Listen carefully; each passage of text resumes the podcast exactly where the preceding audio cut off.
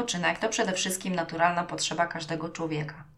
I tutaj, jak przywołuję sobie w pamięci piramidę Maslowa, o krótko Ci opowiem. Ta piramida zakłada hierarchię potrzeb. Od tych, które są najważniejsze i które muszą zostać zaspokojone, do tych, które umożliwiają nam rozwój. I na samym dole znajdują się, drodzy Państwo, potrzeby fizjologiczne, w tym odpoczynek, i to jest podstawa, na której możemy uzupełniać kolejne braki.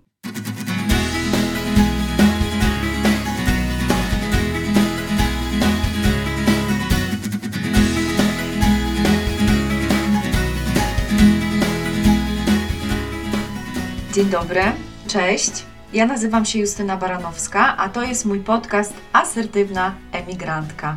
Z zawodu jestem psycholożką, obecnie kształcę się również w zawodzie psychoterapeutki w nurcie poznawczo-behawioralnym.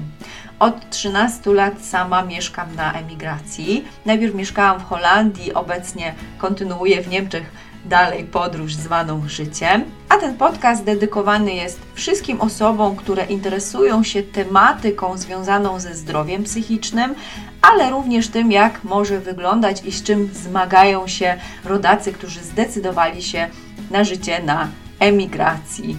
Serdecznie zapraszam. Cześć, witam Cię w kolejnym odcinku, ostatnim przed wakacyjną przerwą podcastu Asertywna Emigrantka.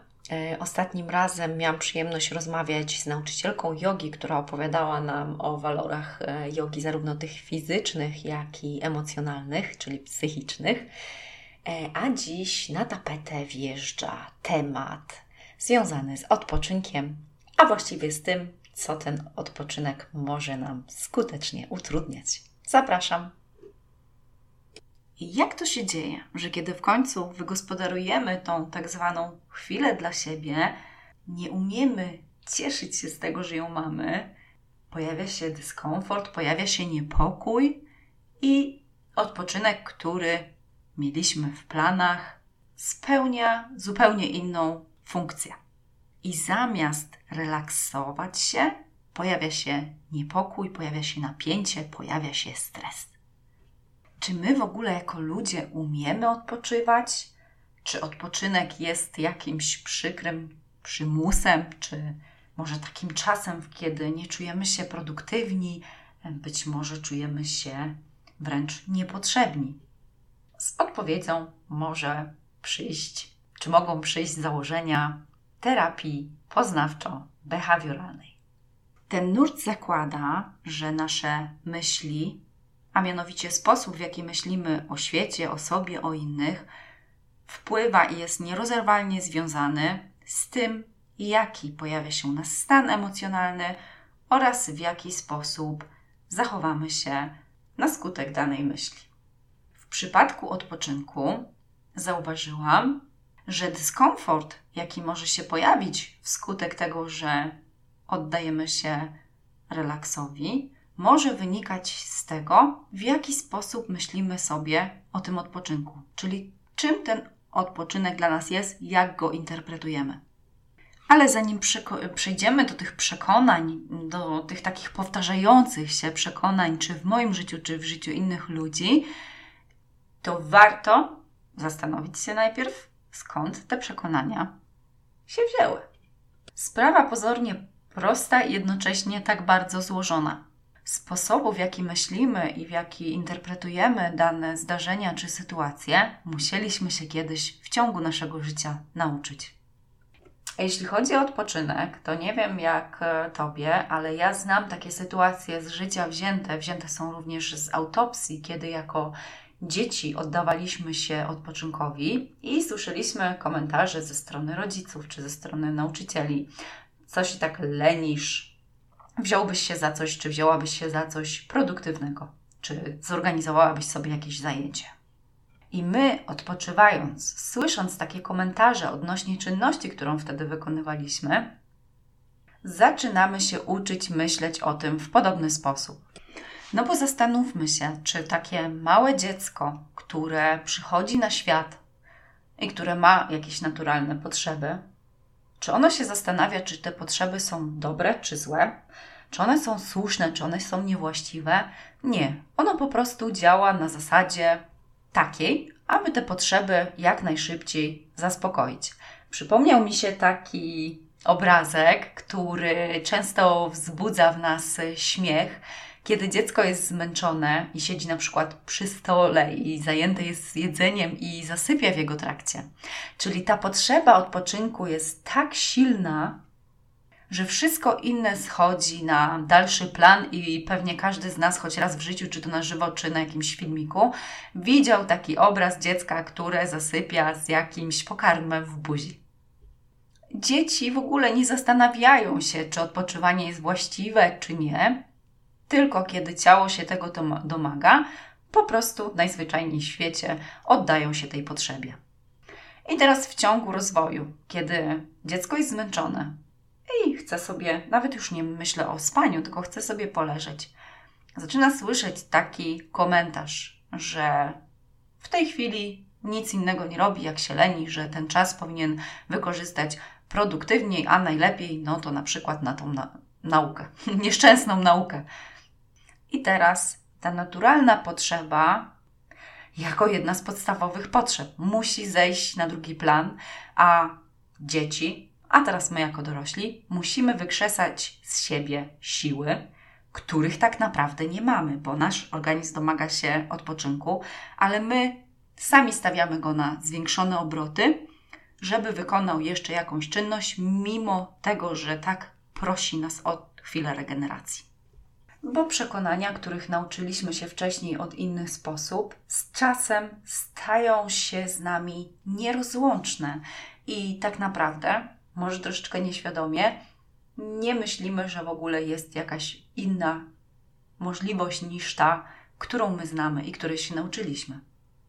Stąd, nawet jeśli nasz organizm krzyczy i prosi nas o chwilę oddechu, odsapnięcia, um, o chwilę relaksu, nasze przekonania są tak silne, że próbujemy przymusić nasze ciało do kontynuacji naszej aktywności. W poście na Instagramie wyróżniłam pięć takich najczęściej powtarzających się przekonań, które mamy w kwestii odpoczynku i które nam ten odpoczynek mogą skutecznie uprzykrzać czy blokować. Po pierwsze, odpoczynek jest tylko dla słabych. Po drugie, tylko kiedy jesteśmy produktywni, jesteśmy w ogóle coś warci jako ludzie. Po trzecie, Odpoczynek to po prostu lenistwo. Kolejne przekonanie jest takie, że na odpoczynek trzeba sobie zasłużyć. I ostatnie, żeby odnieść w życiu sukces, trzeba być czymś stale zajętym. Jeżeli bliskie jest nam któreś z tych przekonań, a może kilka, to w sytuacji, kiedy nasz organizm krzyczy czy prosi nas o ten odpoczynek, o tą chwilę oddechu, kiedy te przekonania w tym momencie E, uaktywniamy, to jak my się mamy czuć odpoczywając? No źle. No źle. Może się pojawić dyskomfort, może się pojawić niepokój, a nawet lęk. Są nawet takie sytuacje, że kiedy osoba oddaje się relaksowi, może wystąpić nawet atak paniki. To są oczywiście skrajne przypadki, ale one pokazują, jak wielką rolę w naszym życiu odgrywa to, w jaki sposób myślimy o świecie. Być może pojawi się teraz pytanie, czy my możemy w ogóle z tym coś zrobić. No, owszem, możemy, bo skoro mogliśmy się czegoś nauczyć, to możemy się tego oduczyć i nauczyć się zupełnie czegoś nowego. Ten proces, no bo jeżeli te przekonania towarzyszyły nam kilkanaście, kilkadziesiąt lat w życiu, może nie być wcale najłatwiejszy i najprzyjemniejszy. Może też nie dziać się nie wiadomo jak szybko, tak? Nie, nie stanie się tak, że z abstryknięciem palców nagle e, zaczniemy myśleć zupełnie inaczej, ale możemy próbować się tego nauczyć. A więc, jak się już domyślacie, te przekonania, które mamy, to w jaki sposób interpretujemy jakieś sytuacje, wcale nie muszą być dla nas zdrowe czy adaptacyjne. Oczywiście, że są sposoby i techniki, dzięki którym możemy sprawdzić, czy nasze przekonania są zdrowe i adaptacyjne.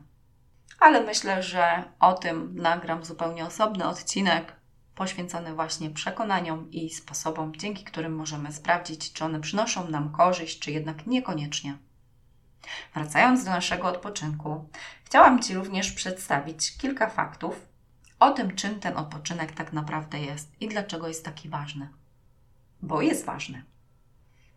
Odpoczynek to przede wszystkim naturalna potrzeba każdego człowieka. I tutaj, jak przywołuję sobie w pamięci piramidę Maslowa, o krótko Ci opowiem. Ta piramida zakłada hierarchię potrzeb od tych, które są najważniejsze i które muszą zostać zaspokojone, do tych, które umożliwiają nam rozwój. I na samym dole znajdują się, drodzy Państwo, potrzeby fizjologiczne, w tym odpoczynek, i to jest podstawa, na której możemy uzupełniać kolejne braki. I to jest podstawa, którą musimy zaspokoić, żeby faktycznie móc się rozwijać. Oczywiście ktoś może powiedzieć, że rozwija się dzięki temu, że właśnie nie odpoczywa. Ja się zawsze zastanawiam wtedy, jak wyglądałaby jakość, a przede wszystkim przyjemność z tego rozwoju, gdyby jednak raz na jakiś czas na ten odpoczynek sobie pozwolić. A więc odpoczynek jest tak samo ważny jak praca, nauka czy innego rodzaju aktywności, które wykonujemy na co dzień. Odpoczynek to nie jest lenistwo, to jest przerwa, dzięki której nabieramy sił, żeby dalej działać, żeby jakoś funkcjonować, nawet nie jakoś, tylko na całkiem dobrym poziomie. Na odpoczynek wcale nie musimy zasługiwać, każdy z nas ma takie samo prawo do tego, żeby odpoczywać, nawet jeśli nie wykonaliśmy listy zadań, które e, sobie na jakiś konkretny czas zaplanowaliśmy. Bez odpoczynku, no niestety, nie uzyskamy też wysokiej wydajności, tak? A nasza praca nie będzie, jakość naszej pracy, no wcale nie będzie jakaś zdumiewająca. Owszem, my ją wykonamy, może nawet z całkiem dobrym wynikiem, ale jak my się będziemy wtedy czuli i jak szybko będziemy dążyć w kierunku być może nawet wypalenia zawodowego i pozbawienia się satysfakcji z wykonywania jakże przyjemnych czynności. Ale co jeśli wykonujemy te czynności na minusie energetycznym? Z drugiej strony, tak sobie myślę, że sam odpoczynek również możemy potraktować jako formę rozwoju, ponieważ jeżeli wcześniej nie umieliśmy tego zrobić, jeżeli wcześniej towarzyszyły nam takie a takie przekonania, no to żeby to zmienić, to musimy się wysilić i musimy się nauczyć czegoś zupełnie nowego, czegoś, czego wcześniej nie znaliśmy. Co powiesz na taki punkt widzenia? Podsumowując, żeby nasza praca, żeby nasza aktywność przynosiła nam radość, szczęście, poczucie zaspokojenia czy satysfakcję, musimy pozwolić sobie na odpoczynek. Musimy się raz na jakiś czas od niej oderwać i oddać czemuś, co przyniesie nam korzyści. I mam tu na myśli odpoczynek zarówno fizyczny, jak i psychiczny. To jak? Spróbujesz nauki odpoczynku? Jeżeli tu ze mną jesteś, to bardzo dziękuję Ci za wysłuchanie kolejnego odcinka mojego podcastu Asertywna Emigrantka. Oczywiście, jak zawsze, zapraszam Cię do obserwacji moich kont na portalach społecznościowych. Na Instagramie znajdziesz mnie pod hasłem podcast Asertywna Emigrantka oraz Asertywna Emigrantka. Natomiast na Facebooku znajdziesz mnie pod hasłem Justyna Baranowska, polski psycholog. Dzięki za dziś i do usłyszenia kolejnym razem. Przypominam, że udaje się na wakacje, więc kolejny odcinek pojawi się 9 sierpnia. Cześć!